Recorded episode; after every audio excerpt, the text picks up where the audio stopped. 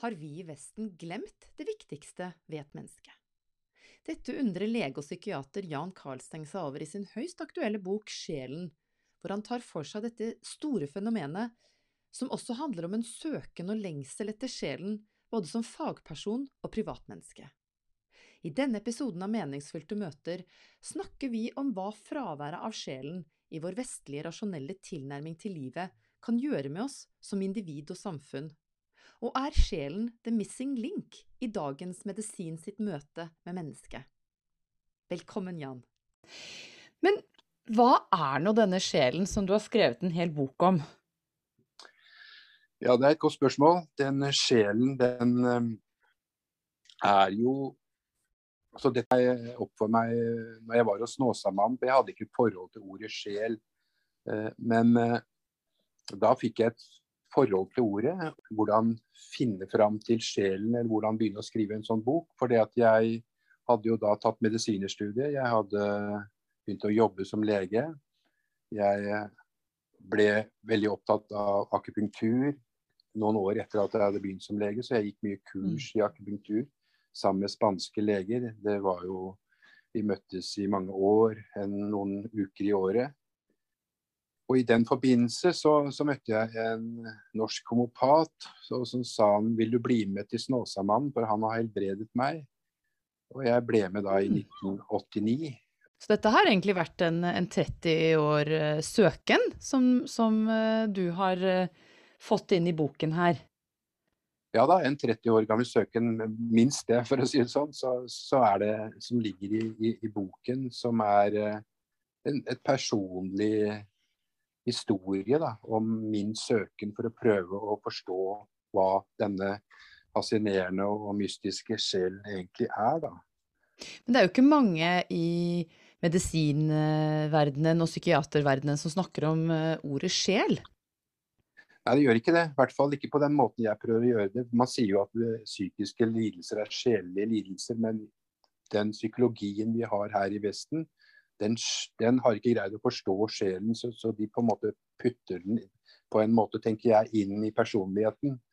Mens, uh, mens østlig filosofi, østlig gammel medisin, de har et stort skille mellom personligheten på den ene siden og sjelen på den andre siden.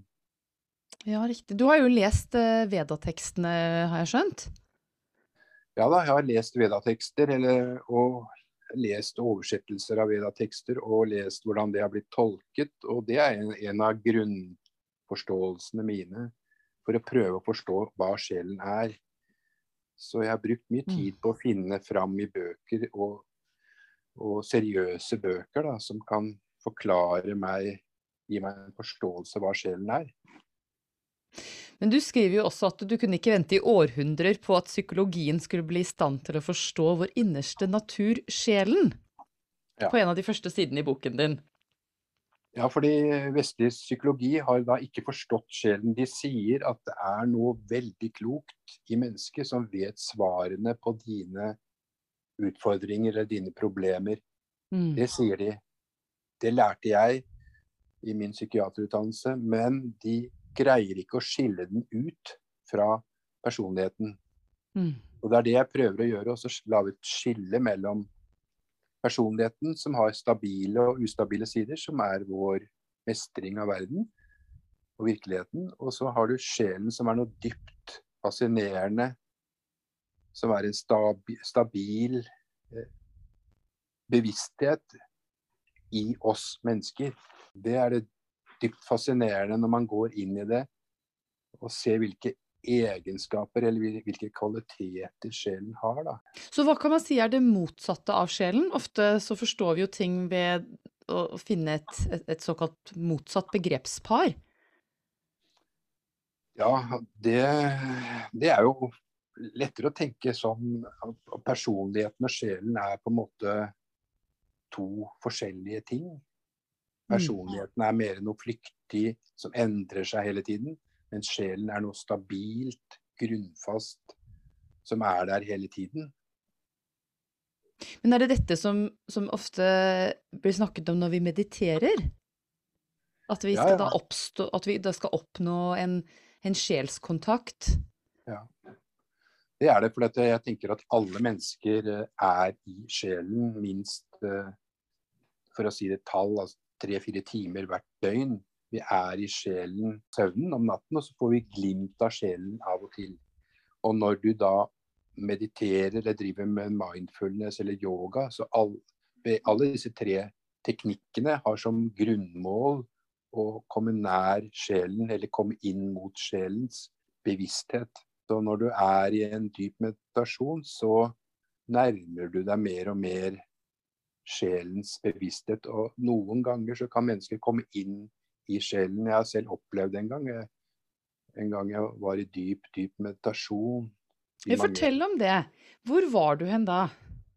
Ja, Det var i 2004. Jeg dro til India, til eh, Rishikesh og disse stedene som ligger oppe ved Ganges, der Ganges kommer ut av Himalaya. Der eh, skulle vi 100 stykker fra søkere fra Vesten. Jeg var den eneste for øvrig fra Norge.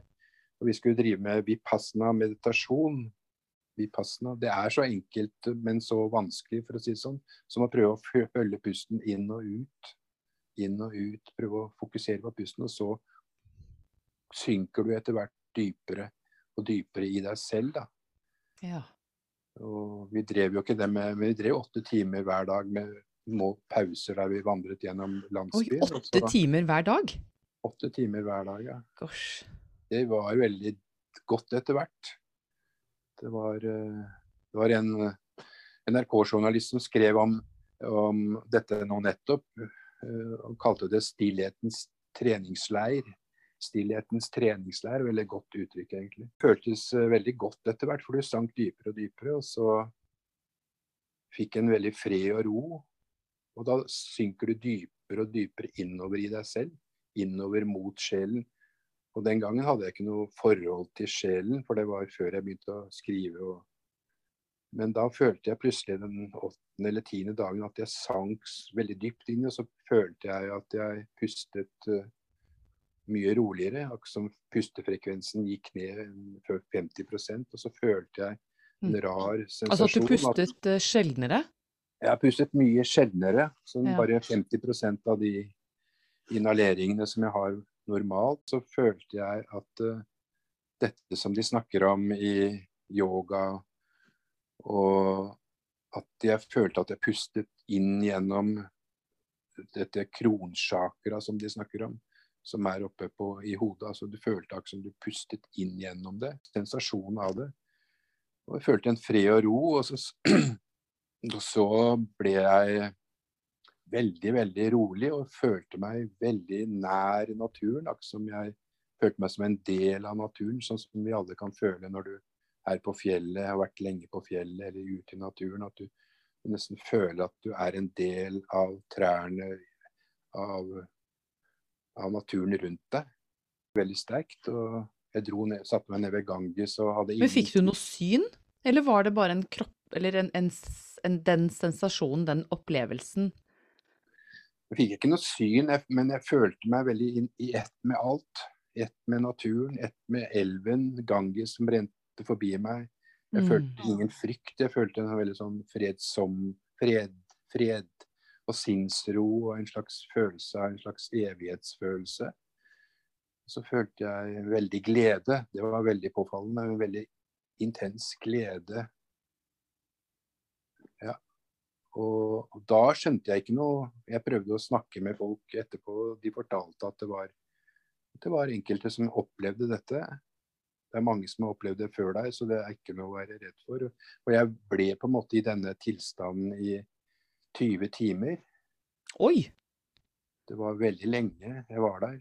Og så begynte jeg gradvis å sige ut av det. Da var det akkurat som noe, en slags eh, logikk i meg som sa til meg nå er du på vei til å bli Munch, så nå må du alt det morsomme i livet det slutter å bli slutter å være for deg, så, så, nå må du komme deg tilbake igjen. Det var en sånn veldig tydelig stemme som kom i meg, som jeg i ettertid kunne tolke som mitt ego som ville dra meg bort fra denne tilstanden fordi For det var akkurat som mitt ego tenkte at det var det, det, dets egen død. Hvis jeg skulle vedbli der, så, så, det var en slags kamp mellom ego på den ene siden og en sjelelig bevissthet som jeg var i. da. Og Det er det egentlig det handler om. altså den Men i forhold til ja. det yrket du har hatt som lege og psykiater, og du har jobbet også med akuttpsykiatri, eh, ja. Follo akutteam og hvis jeg forstår det riktig, også akuttavdelingen på, på Dikemark. Hvordan Blakstad tror du jeg vært. Ja. Blakstad var det, ja. Blakstad. Og da tenker jeg sånn i forhold til de pasientene, hvordan mm. tror du denne Altså kunne dette vært en behandling? Ja, det er klart at, uh, at det har blitt en økende interesse for dette nå for hvert år som går. Og, og, det er klart at hvis jeg hadde hatt sinnsro, så hadde det vært eh, smittende for folk rundt meg. Det, og at jeg hadde sett og kunnet være mer nær, det er helt sikkert. Tenker du da eh, som, som psykiater? Ja, både, men også at folk eh, ikke sant, rundt meg hadde følt noe av det samme. Det er jo ofte vanskelig for folk i akutte kriser men, å nærme seg det, men noen nesten dissosierer over, innover mot noe, en annen bevissthet også, så det er veldig vanskelig å si. Jeg har ikke tenkt på det før. Men det er klart det er eh, Dette er noe generelt som folk søker. Altså vi alle lengter etter en sånn tilstand. Da. Det er min uh, tanke i dag, da. Mm. Uh, så det er Men tror du du kunne vært en Altså dette her med å se hele mennesket som du snakker om, i ja, behandling. Ja. Kunne dette det vært det, det såkalte missing link i, i den vestlige tilnærmingen? Ja, ja, ja. Det er klart det er en missing link her. Det er helt klart det. Og at uh, du ser mennesket, og du ser dypere inn i mennesket, og du trenger ikke bruke alle disse ordene, på en måte. Du kan mer sånn som uh, en helbreder kunne bare være sammen og gi en god energi, gi en god trygghet, gi en dyp nestekjærlighet. Hvis du tenker på min posisjon, og, og, ja, og, og for den som er lidende, så, så ville jo det hjulpet en del. Men, men vanskelig å si en krise, men, men, men, men, det er jo en missing link i, sant, i, forhold til at folk kanskje skal vite at noe sånt finnes inni deg. Dypt, dypt inni deg. Mm. Og søke mot det. I hvert fall i perioder som er du føler deg stabil og du er mye ute i naturen. Så, og at du kan føle at det er veldig viktig å tenke i den retning. Og, ha oppmerksomhet mot at det er noe dypt inni deg. Mm. Som da kan, er en bevissthet som helt innerst kan kalles sjel, da. Eller klar bevissthet. Altså ordet sjel er det samme som, for meg som klar bevissthet. En klarhet som er i deg. Eh, en klarhet som er inni deg. Der du får kontakt med noe mye større enn deg selv. Ja, fordi vi behandler jo kropp og hjerne. Altså det er jo på en måte sånn vi ser på mennesket i moderne ja, ja. medisin. Du ja, behandler kroppen, og du, du, tenker at lidelsen, eventuelt en psykiatrisk lidelse, kan sitte i hjernen? Ja, ja, ja. Det blir veldig forenklet og veldig altfor forenklet for meg, spesielt etter at jeg har gått inn i dette spørsmålet. For jeg har jo og jeg har jo følt, når jeg, når jeg, har fått gitt ut ganske mange bøker, så har det ringt mange psykologer og psykiatere og, og, og flere professorer blant annet også sagt at dette er en missing link. Vi, vi, må på en måte skolere oss, vi må komme nærmere dette spørsmålet. Du, det er interessant. Dette er dine fagfellers reaksjoner, rett og slett? Ja, ja. Det har vært mange av dem. Det har vært mange av dem som har ringt og skrevet brev og sagt de har lest boken. Og, og det er jo folk som på en måte har vært opptatt av at det er en stor missing link her, mens andre på en måte stiller seg litt uforstående. Mange leger som jeg har vært i kontakt med, de stiller seg helt uforstående og syns dette er altfor vanskelig. For de er veldig sånn konkrete i sin opplæring. Ja, for du kan jo ikke legge sjelen eh, under et eh, mikroskop og studere den.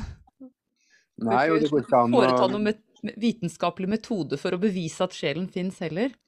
Nei, det nytter ikke det. Og det var sånn som Per Brodal sier, at det går ikke an å, å, gå i dybden og analysere hjernen helt ned til siste celle, og tro at du da forstår et stort begrep som heter bevissthet. Man Mm. vet jo ingenting om bevissthet i dagens hjerneforskning. Per Brodal, man- fortell kort til lytterne hvem det er. Per Brodal er, eh, var min underviser på medisinstudiet i Oslo. Han var professor i hjerneforskning. Akkurat Mm. nå gått av, men også er aktiv med andre spørsmål, selv om han er gått av som professor. Mm. Hans far var en kjent professor, og Per Brodal ble professor etter sin far ved, ved Anatomisk institutt i Oslo. Da. Og han har Mm. vært veldig åpen over at det er visse ting vi ikke aner noe om. Og det er ikke riktig å putte alt inn i hjernen og tro at du har et psykologisk senter for glede og sorg. og Det sier han, det er jo, ikke- stemmer jo ikke i det hele tatt. Mm. Det er åpenbart at det er Det går ikke an å analysere en bil helt ned til minste detalj, som han sier. Og tro at du der, derved vil forstå hva transport og fart er. At du kan ikke forstå sånne større begreper ikke sant? ved å analysere alt ned på det minste detalj som vi gjør i vår medisin. Og tro at vi da kan forstå så store ting som sjel og bevissthet og Mm. dette er eh, Dette hører hjemme i en helt annen Det fins ikke ikke en pille for, eh, for lengselen etter kontakt med sjelen, f.eks.? Nei, nei, det fins ikke, kommer aldri til å finnes. For det er, eh, dette er en veldig dyp side av mennesket som ingen vet alt om, men det er noen som vet veldig mye mer enn psykologene og psykiaterne i dag. Eh, Det er de opplyste personer i India og Kina som, som folk er veldig opptatt av, og som folk er veldig imponert over. De vet ganske mye om sjelen, og det er de jeg på en måte prøver å fange og oversette til et norsk språk. Ja. Eh, Hva, hva er det de sier om dette utrolig spennende ved mennesket, da? Som, du snakker jo også om eh, et vestlig trauma. Jeg syns det var veldig interessant begrep du hadde i boken din. Kan du fortelle litt om det? Ja, det, det er jo et vestlig trauma at vi på en måte ikke har funnet ut av dette og overlatt eh, undersøkelsen altfor mange år til, til en slags rasjonell, rasjonelle folk med et slags rasjonelt, mekanisk forhold til kroppen. Det er de som på en måte har undersøkt og hatt, stått i ledetog i, i Vestens undersøkelser av, av dette spørsmålet. Og- Ja, jeg tenker jo særlig med opplysningstiden, hvor det rasjonelle kom uh, veldig Ja, ja. sterkt fram. Ja da, det er en lang historie her som, uh, som har pågått lenge gjennom Descartes, som man snakker om. og Hvis man går enda lenger tilbake, så, så brente vi jo hekser her i Norge fra 1200-tallet til 1600-1700-tallet. Alle som hadde intuisjon, de ble ofte brent på bålet av maktens personer. Og så, og så kommer du da over i Descartes, som trodde at eh, innbilte folk på universitet og skole at vi var våre tanker. Det er også en hel forenkling av virkeligheten. Det er ikke slik det er. Og så har du universitetene den dag i dag som domineres altfor mye av, av rasjonelle, mekanisk tenkende tanker. Da. Og Mm. dette har jo blitt et vestlig trauma fordi, for, fordi det er mange som vet at det er noe der som ikke vi får tak i. Og Derfor så blir det et vestlig trauma at vi ikke kommer videre. Og når, når, når en professor snakker til meg, da, henvender seg til meg og sier det er litt skummelt, øh, og at, øh, men jeg støtter deg hult 100 disse tankene dine, men det er skummelt, for det er så mange av kollegaene mine som ikke aner noe om det, som, ikke, som ofte kan være litt skumle for meg å forholde meg til når jeg sier at dette tror jeg på, dette vet min intuisjon, dette vet jeg er sant. Ja. Men vi har ikke kommet langt da, i vår kultur, tenker jeg. Ja, og så er det nesten som det blir en stigmatisering for enkelte fagmiljøer å dra fram, fordi vi drar fram sjel, for vi har heller ikke noen stueredne begreper omkring det. For da blir det fort at man bruker østlige begreper, og da Ja. faller det under paraplyen yoga og meditasjon og østlig mystikk. Ja, og så blir det ofte, kan man folk ofte si at dette er litt svermerisk og dette er litt useriøst. Og så kan veldig mange, ikke sant, både folk på universitetene og skolen og journalister og sånt, kalle dette for svermerisk. Og, men det er, ja, det er en stor utfordring at vi må snu dette her, på en måte. Mm. Du skriver også om avfortryllingen av verden, samme som eh, sosiologen Max Weber skrev også om avfortryllingen av verden. Ja, ja. Det er jo det. Det er jo det. For dette er jo noe veldig dypt og fascinerende, ikke sant. Uh, at du på en måte kan komme så nær naturen, komme så nær naturen og helheten gjennom å gå i dypen på deg selv, og det er noe helt naturlig. Og når du avfortryller det og sier at nei, det er ikke riktig at du kan føle deg så nær at du kan nesten føle deg i ett. Men sant, det kan jo alle underskrive som har vært med på lange turer inn i pol polfarere og Erling Kagge som har gått innover og opplever kanskje at du er i ett med Men de tør ikke å snakke om det nesten engang i offentligheten, for da begynner folk å lure om det er noe psykologisk galt med deg, eller om du tilhører New Age, eller hva, hva tilhører du? ja, New Age gir jo mange en uh, rar smak i munnen. Ja, ja, ja. Men i Norge kan vi jo si at uh, man får disse opplevelsene i naturen. Vi kan jo, for, ja. vi kan jo på en måte. Arkivere det under naturopplevelser. Det, det er, er innafor. Da drar man ikke for langt. Nei, det, da er det innafor. Da kan du liksom tørre å snakke om det. Og når, du, og når du blir syk, får en alvorlig lidelse og nærmer deg døden, og plutselig så føler du disse ting skjer, og du kan snakke med en som eh, Noen folk kan du snakke med, med en som er død, på en måte, og folk kan ane f.eks. at nå dør noen slektninger av meg. Folk har mye sånne sensasjoner. Men jeg skal jo intervjue litt... Lilly Bendris eh, snart. Hun ja. er jo en som er godt bevandret i det her. Ja, ja, ja. Men jeg tenker at alle mennesker har slike sensasjoner. Mm. Men man tør ikke å snakke om det. Barn kan jo ha sånne sensasjoner også, men ingen snakker om det. Og det er jo avfortrylle verden. Verden mer mm. mekanisk og trøtt, mer trøtt. For dette er jo noe stort under som plutselig i et glimt kommer frem til deg. Folk har mange sånne glimt hele tiden. Du ja. føler at noen tenker på deg, og så kjenner du det hele deg. Du føler at noen ser på deg nesten bakfra, for du kjenner det, og du føler at noen skal ringe. Og nå ja. ringer den vedkommende. Og det er jo fordi at uh, dette handler jo om også sjel, alle disse tingene her. Egentlig at det er en slags enhetlig felt, et slags uh, som vedaene sier, det er et slags informasjonsfelt, det er et slags intelligensfelt rundt oss. da. Ja. Å si på en slags eh, såkalt seriøs måte at dette har mennesket alltid vært opptatt av. Helt fra tidenes morgen, i alle samfunn, helt til vi her oppe i nord eller i Vesten for ett eller 200 år siden sa plutselig at dette gjelder ikke lenger. Det er betenkelig at vi kan si det til folk. Og når skjedde dette skillet, opplever du? Jeg har prøvd å forstå, men, men går man tilbake til 1930-1940 i Norge, så var jo bl.a. en psykologprofessor som het Schjelderup som ville gjerne snakke om dette på psykologistudiet i Oslo.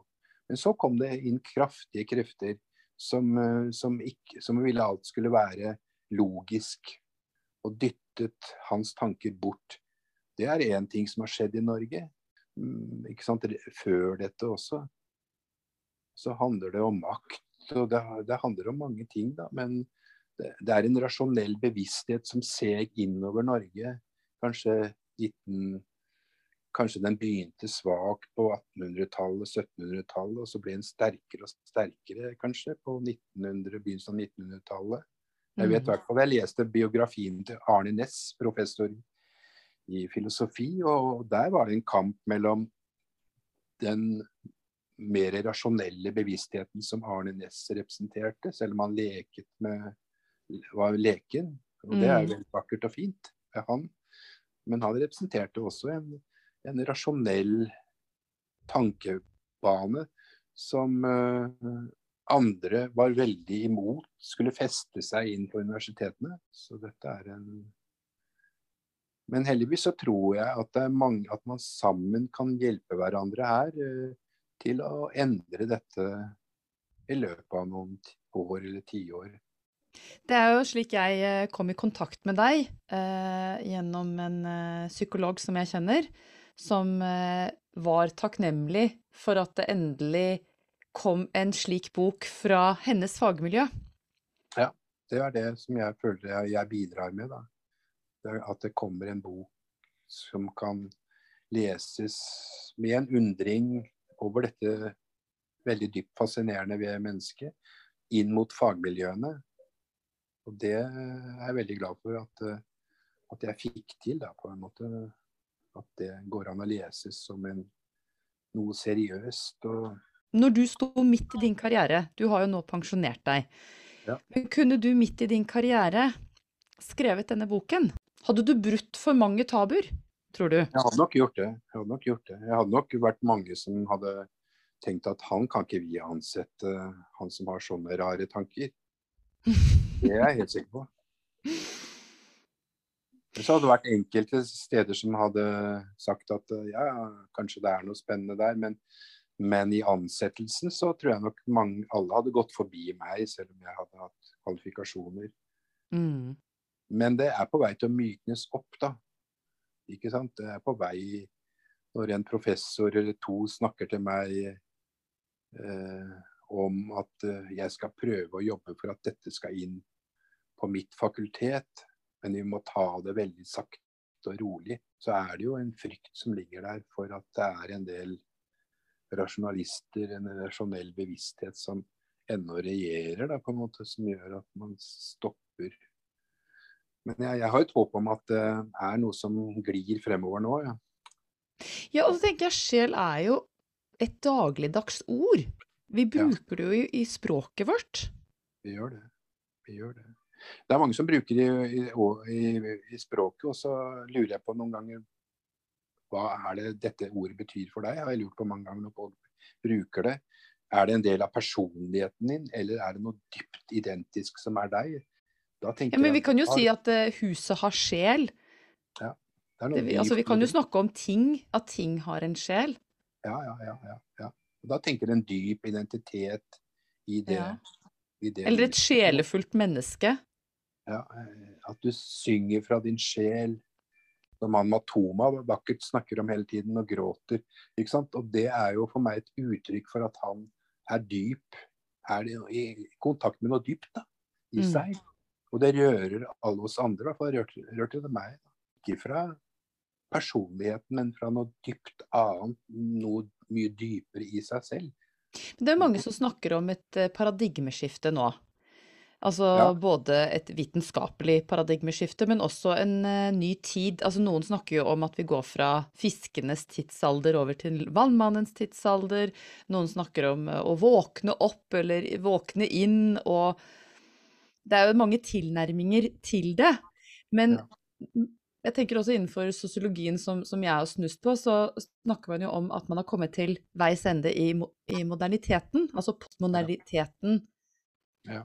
Og at pendelen nå kanskje i Vesten svinger tilbake, fordi vi har kommet så langt i forhold til det rasjonelle, det materialistiske, eh, alt vi kan ta på, se på og studere. Nå må vi tilbake igjen. Og der kommer sjel inn. Det kommer veldig inn som et viktig ord der, ja. Og Hente tilbake sjelen vår. hente tilbake sjelen vår, og at vi på en måte forstår den ikke som noe konkret, men som en dyphet, en dyp bevissthet, en vår indre fascinerende natur. Altså at vi på en måte også oversetter ordet slik at vi vet hva, hva vi snakker om. For det er mange som har prøvd å plassere sjelen inn i hjernen. Det er jo helt riv ruskende feil. Og så har du jo Jesus, eh, oppfatter jeg som en, en opplyst. Buddha jeg opplever det som en opplyst.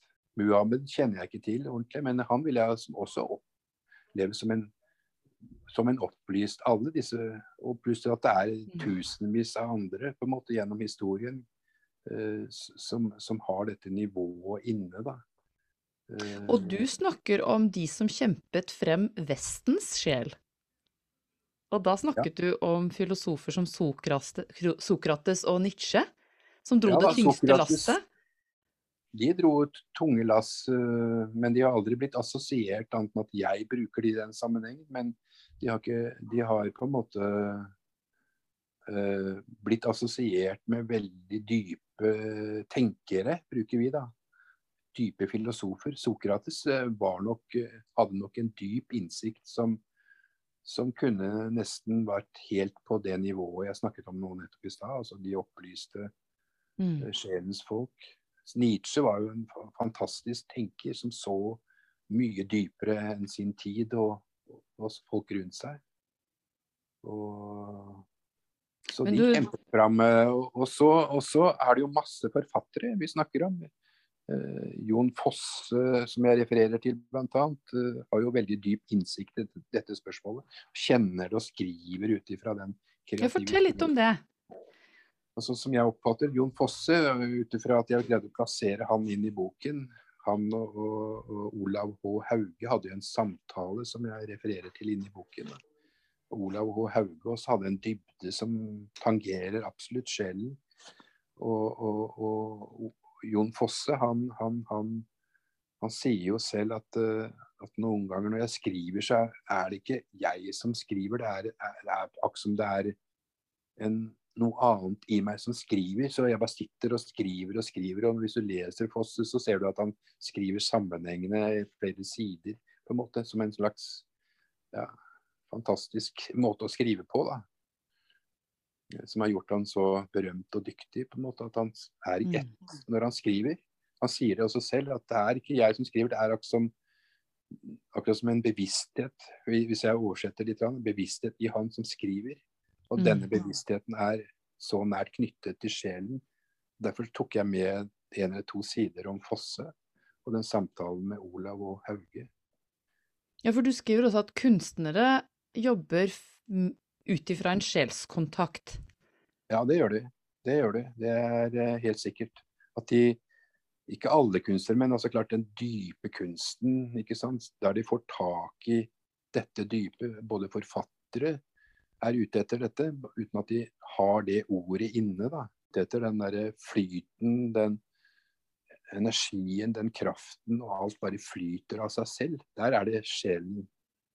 Og det snakker de om, og, og er i og det er malere og store malere og, som får tak vil ha tak i dette. Da. Men også eh, Du hadde et nydelig sitat av Einstein om det intuitive sinnet. Jeg kan jo lese fra boka. Det intuitive sinnet er en hellig gave, mens Ja. det rasjonelle sinnet er en trofast tjener. Ja, ja. Vi har skapt et samfunn som premierer tjeneren og har glemt gaven. Ja, vi har glemt gaven, og gaven er jo Intuisjonen ikke sant, kommer jo fra sjelen, sånn som jeg ser det. Og den har jo ganske undertrykket. Og, og, mens det som gjelder i vår kultur, er jo det intellektuelle, rasjonelle. Den intellektuelle som søker facts, facts, facts hele tiden. Det er den Mm. intellektuelle delen av oss. Den er jo veldig oppe og går hele tiden. Det er den som er det riktige. Og den, det er jo tjeneren som vi har gjort til herre i, i Vesten. Altså vi Mm. har snudd bildet opp ned, da. Fordi at eh, tjeneren kan aldri ta de største og viktigste beslutninger. For tjeneren, tjeneren altså intellekt, da, Mm. ikke, har ikke kapasitet til det. Det er, det er helt unaturlig. Derfor så tar vi også mange rare avgjørelser. Hvis du ikke bruker dypere deler av deg, sånn som intuisjon og dyp intelligens, eller, eller helt mot sjel, da. Så, så Hvordan derfor- tror du dette uttrykker seg i samfunnet i dag, som lege og psykiater? Altså folkehelsen vår, rett og slett? Jo, det blir for eh, forenklet og for overflatisk i, i vurderingene eh, som gjøres, da. Det tenker jeg. At du, du skal jo man, Alltid sier man at du, hvis du skal ta en viktig avgjørelse, gå deg en lang tur. Og bli helt Ja, jeg, men jeg tenkte egentlig også på den mentale helsen. Ja, altså, ja, det er jo mange altså- unge i dag som sliter. De stapper altfor mye opp i hodet på dem. ikke sant? Uh, Einstein så jeg også uttalt seg veldig mye om det. Du, du, kan ikke finne opp store ting uten at du kvitter deg med mye tanker i hodet. Du, må liksom, du kan ikke putte hodet fullt av en masse facts og, og tanker, og mm. da får du mye uro. Du må kvitte deg. altså Den største oppfinneren, sier Einstein, tror jeg, er den som greier å kvitte seg med Som har mye kunnskap, selvfølgelig, men kan gå ut og kvitte seg med kunnskap, så plutselig så stiger oppfinnelsen opp fra dypet i, i han. Mm. Og det er jo veldig viktig at barn ikke presses inn i en hel masse kunnskap uten at de tar hensyn til intuisjonen og dypere lag i dem. Det må bli mye mer balanse for at barna og oss voksne også skal få det bedre. Da. Det er denne balansen hele tiden. da. Det er jo en diskusjon nå om at barn har for liten tid til å leke. Det er for mye voksenstyrte aktiviteter. Det er for mye de presses inn i hele tiden. Ja, det er helt uh, gjennomgripende feil, det, altså. Det er jo gjennomgripende feil, for du lar igjen rasjonalistene, ikke sant, disse mekanisk tenkende rasjonalistene, få lov å styre mange tanker om hva man skal gjøre, istedenfor at du lar mer intuitive folk får lov å mene noen ting, de også. Mm.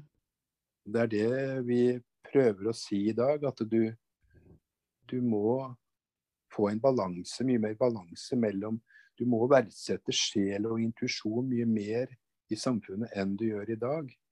Og, og dempe ned denne tjeneren, altså intellekt, da, som Einstein også sier.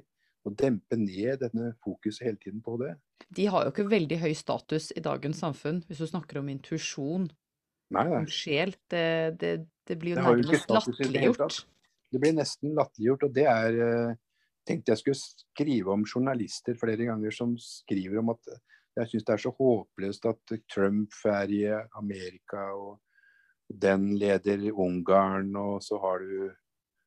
Ledere i Kina som på en måte er voldelige, og du har Putin selvfølgelig. Og, men det er klart at hvis vi driver og dyrker frem slike maktmennesker, som vi indirekte gjør uten å ta hensyn til de intuisjon, intuitive mennesker ville aldri funnet på sånt noe. Mm. Du, må, du, må, veie disse ordene mye tydeligere frem. Har jeg tenkt å svart flere journalister. Dere må interessere dere for det. For det, det gir jo et håp for oss alle. det er jo fordi at negative nyheter selger, dessverre. Ja, ja, også katastrofenyheter. Det, det, det, det, er det vi konsumenter sitter og klikker på når vi leser ja, nyheter på nettet. Ja, det er jo trasig og tragisk, det. altså at eh, fordi at de fredsommelige sidene av oss kommer ikke frem. da. Og Det er der sjel er, det er der intuisjon er. Det er i de fredsommelige, kloke sidene i oss. Mm. Det er det som eh, er viktig å tenke på. Så Det må da ryddes eh, Vi må jo da rydde rom og tid til det? Vi må rydde rom og tid til det ha det inn i skoleverket. Vi må ha det inn på skolene for å sette fokuset på dette veldig viktige. For å ta vare på kloden. ikke sant? Hvis vi tenker at vi skal ta vare på kloden, så, så går det ikke an på ene side å bare dyrke egoet til mennesket. Mm. Når du dyrker egoet til mennesket og ser ned på sjel og disse dype idealistiske sidene av deg, da, du, da bare legger du til rette for større og større egoer, da. Men er ego og sjel i konflikt? Ja, det er en dyp konflikt. Det er som en tenker på en sånn huske, ikke sant. Dess mer ego, dess mindre sjel. Og i dag så dyrker man indirekte, uten at man vil tenke over det, fram egoer. Nettopp fordi at egoene ligger koblet til denne rasjonelle bevisstheten. Det kobler seg sammen med rasjonell bevissthet. Egoene. Egoismen i folk, da. Dette må du forklare mer. Det var interessant. Eh, rasjonell bevissthet er jo en forenkling, sånn som jeg ser det, av, av, av mennesket. Altså, du forenkler virkeligheten. Det er det rasjonelle. ikke sant? Det er intellekt som samler kunnskap samler kunnskap. Og det, det, skaper jo på en måte en usikkerhet i folk, for dette er jo ikke noe dypt. Det er noe en tjener, sånn som Einstein sier. altså eh, det er en tjener i oss. Intellekt Mm. og det rasjonelle er en tjener i oss. Og det skaper da en usikkerhet i, i oss. Og da skapes det et større ego for å beskytte seg selv mot andre. Det blir som at du blir litt usikker, for du er på en måte i en konkurransesituasjon mot andre mennesker. Du er Men hele samfunnet vårt er jo konstruert sånn. Ja, og så er det konstruert mot individualismen som ligger i akkurat i samme sporet her da. Individualismen, egoet, Mm. rasjonell bevissthet, de kreerer hverandre på en måte da. Skaper Mm. hverandre. Slik at du, og da skapes det en usikkerhet, og da skapes det enda større ego. Mm. Og på den motsatte siden har du på en måte en slags tro på mot sjel eller dypere bevissthet. Har du en tro på at du er en del av en enhet, du er en del av en lang historie. Du er en del av en vakker kraft i naturen. Så det blir en contradiction, altså en motsetning mellom ego på den ene siden og sjel og alle disse viktige kvalitetene som ligger i sjelen, eller bevisstheter som ligger nær innpå sjelen. Mm. Ja, rett og slett ikke eh, individualistiske versus det kollektivistiske, da. Ja, det blir det. Individualistiske ligger inn på rasjonell bevissthet, ego og ja, ligger Mm. der. Mens det kollektivistiske ligger Eller det enhetlige, for å bruke et mer ikke så et eh, klarere ord, enhetlig, da. Du er en Mm. del av en enhet, en kontinuum. Ligger på sjel. Det er klart at vi Det er viktig å få en grunnleggende fokusering på det, da. Jeg prøvde meg å bli forfatter for en professor som hadde lest boken min, sa at du kan prøve å skrive litt om det i en bok da, som heter eh, 'Følsomhetens kraft', som kommer ut i disse dager. Og der å, å lage en historie på tre sider om forskjellen på intellekt, intelligens, intuisjon og sjel.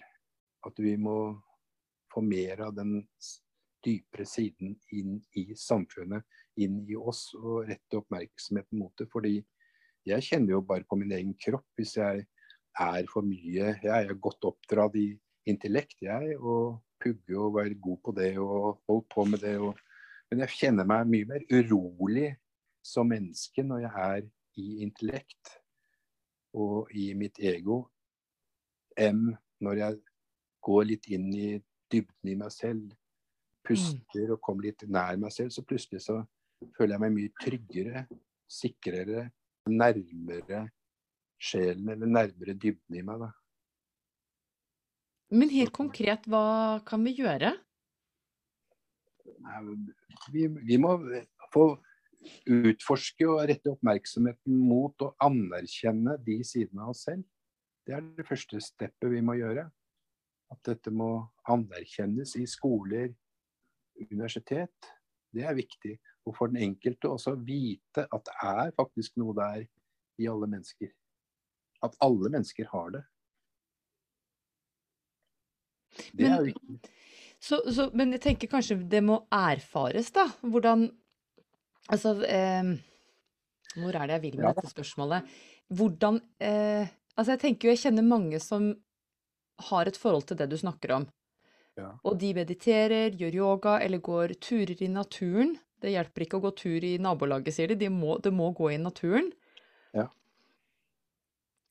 Men Ja, eh, da- ut, utover det, hva mer kan vi gjøre? Da må du på en måte anerkjenne disse glimtene du får plutselig, at du syns det er så fantastisk å være ute i naturen. Og vite at dette er en dyp bevissthet som plutselig kommer frem i deg. Da anerkjenner du det, da forstår du det. Og da har du lettere for at du på en måte også kan tolke det også inn i en positiv ramme for deg selv. da. Og at du da på en måte kan også få motivasjon til å ville mer av det, ønske det mer. For det er jo en dyp lengten vi sitter og snakker om. Altså den, hvis min lengten etter å nærme meg sjelen er stor, så er jeg jo ofte nærme sjelen.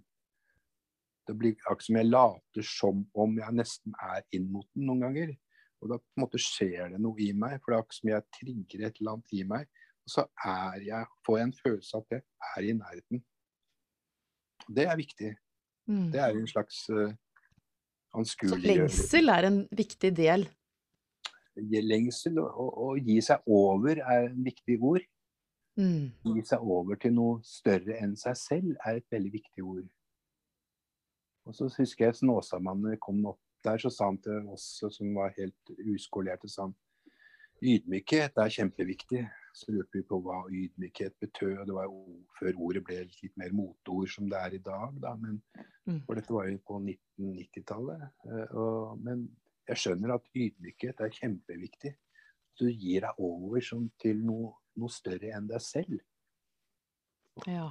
Og der er du på grenselinjer med religion, men du trenger ikke å, å fokusere på dette og ha noe med religion å gjøre i det hele tatt. Og det var min motivasjon med boken. At jeg skulle ikke skrive en bok som lente seg til New Age. Jeg skulle ikke skrive en bok som lente seg til religionen. Men Mm. det handler om disse grunnleggende ordene. Da. Om overgivelse, om ydmykhet, Satt Snåsamannen til oss hele tiden. Så etter hvert så begynte det å gli inn, da, disse ordene. Hva er det det betyr? Og, Og la disse ordene få lov å, å eksistere i selvstendighet, at ikke de må linkes opp mot en eller annen retning. Ja, at de er i selvstendighet. At de, de er ord som er selvstendige og viktige ord, da, som barn og unge får ta del i, og som, som de stimuleres til å tenke i den retningen. Da. Da, Men Jan, har vi en sjel, eller er vi en sjel? Ja, vi er en sjel, sånn som jeg tenker i dag. Før så jeg, trodde jeg at jeg var på leting etter sjelen som skulle ligge et eller annet sted der og der. Men vi er sjel som har en kropp. Altså vi er egentlig en sjel som har fått en kropp. Så du snur bildet, og det er sånn jeg tenker i dag. Når jeg greier å være i ro med meg selv, og så har jeg andre surrete tanker som tenker helt motsatt. For jeg er oppdratt ikke sant, i en kultur som tenker helt motsatt. Men, jeg, men i kloke øyeblikk, da jeg føler meg i kontakt med meg selv, så er jeg en sjel som har en kropp. Og du har sagt at det er mange som har vanskelige erfaringer med Gud. Ja, Og at det dette også var noe du ville med boken, at sånn som du forklarte, at den ikke skal tilhøre Den skal ikke Ja. ligge under en eller annen eh, et eller annet syn, et, en eller annen retning, eller annen livs, altså et eller annet tros- og livssyn. Ja, Det er viktig det, at den ikke skal ligge under noen retning. Fordi, for da kan alle ta del i det. fordi at jeg har, Som psykiater har jeg hatt mange mennesker som har hatt et vanskelig forhold til Gud. fordi at eh, Gud er jo skapt i menneskets bilde, som man sier i vår, i vår religion, i kristendommen. Ikke sant? Man har på en måte lagd Gud som en, en sint person som sitter i himmelen, eller bruker skyld og skam. og, og, og, og dette er jo nesten forferdelig, tenker jeg. Mm. Og har gjort det slik. Og da er jo ordet, sånn som enkelte store tenkere sier, ordet er ødelagt for mange. For de føler at det har blitt misbrukt. Så ordet har blitt misbrukt, da. Så ordet mister sin dype betydning. For ordet Gud, ut ifra de dype, opplyste eller sjelens folk, er jo en, en stor kraft. Som vi er en del av. Det er det opprinnelige, tenker jeg, betydningen av Gud. Men i og med at ordet er brukt på så mange forskjellige måter, så har jeg unnlatt å bruke det. Og jeg støtter folk som kan ha et forhold til ordet, men det er deres forhold. Jeg skal ikke pådytte noen folk mitt det ordet, for det er mange som sagt som er skadet av det ordet også. Det handler jo om meningen med livet, som en professor eh, skrev til meg faktisk i dag, da hans bok kom til meg sa han tusen takk for din mening om livet. Mm. Det var uh, veldig vakkert å motta det fra en som jeg ser veldig opp til. For det handler om en dyp mening med livet. Da. Å prøve å få nærme seg denne gradvis Uh, tenke og vurdere og snakke med andre. og mange som har lest boken, sier at de har lest den mange ganger, for den inspirerer til en slags undring over disse dype sidene og mening med livet. Da. Ja, kanskje vi får flere bøker også? En oppfølger? Ja, det tror jeg. Det var en kraftfull prosess, det vil jeg si. Men det har lært meg veldig mye, og jeg er veldig glad for det selv, da, personlig. Hva det har lært meg da, om å gå i dette å være i dette og, og vedbli i en veldig viktig nærhet til denne klare bevisstheten i oss. Ja. Som er i oss alle. Da. Takk for besøket, Jan Karlseng, og vi gleder oss til flere meningsfylte møter med dere.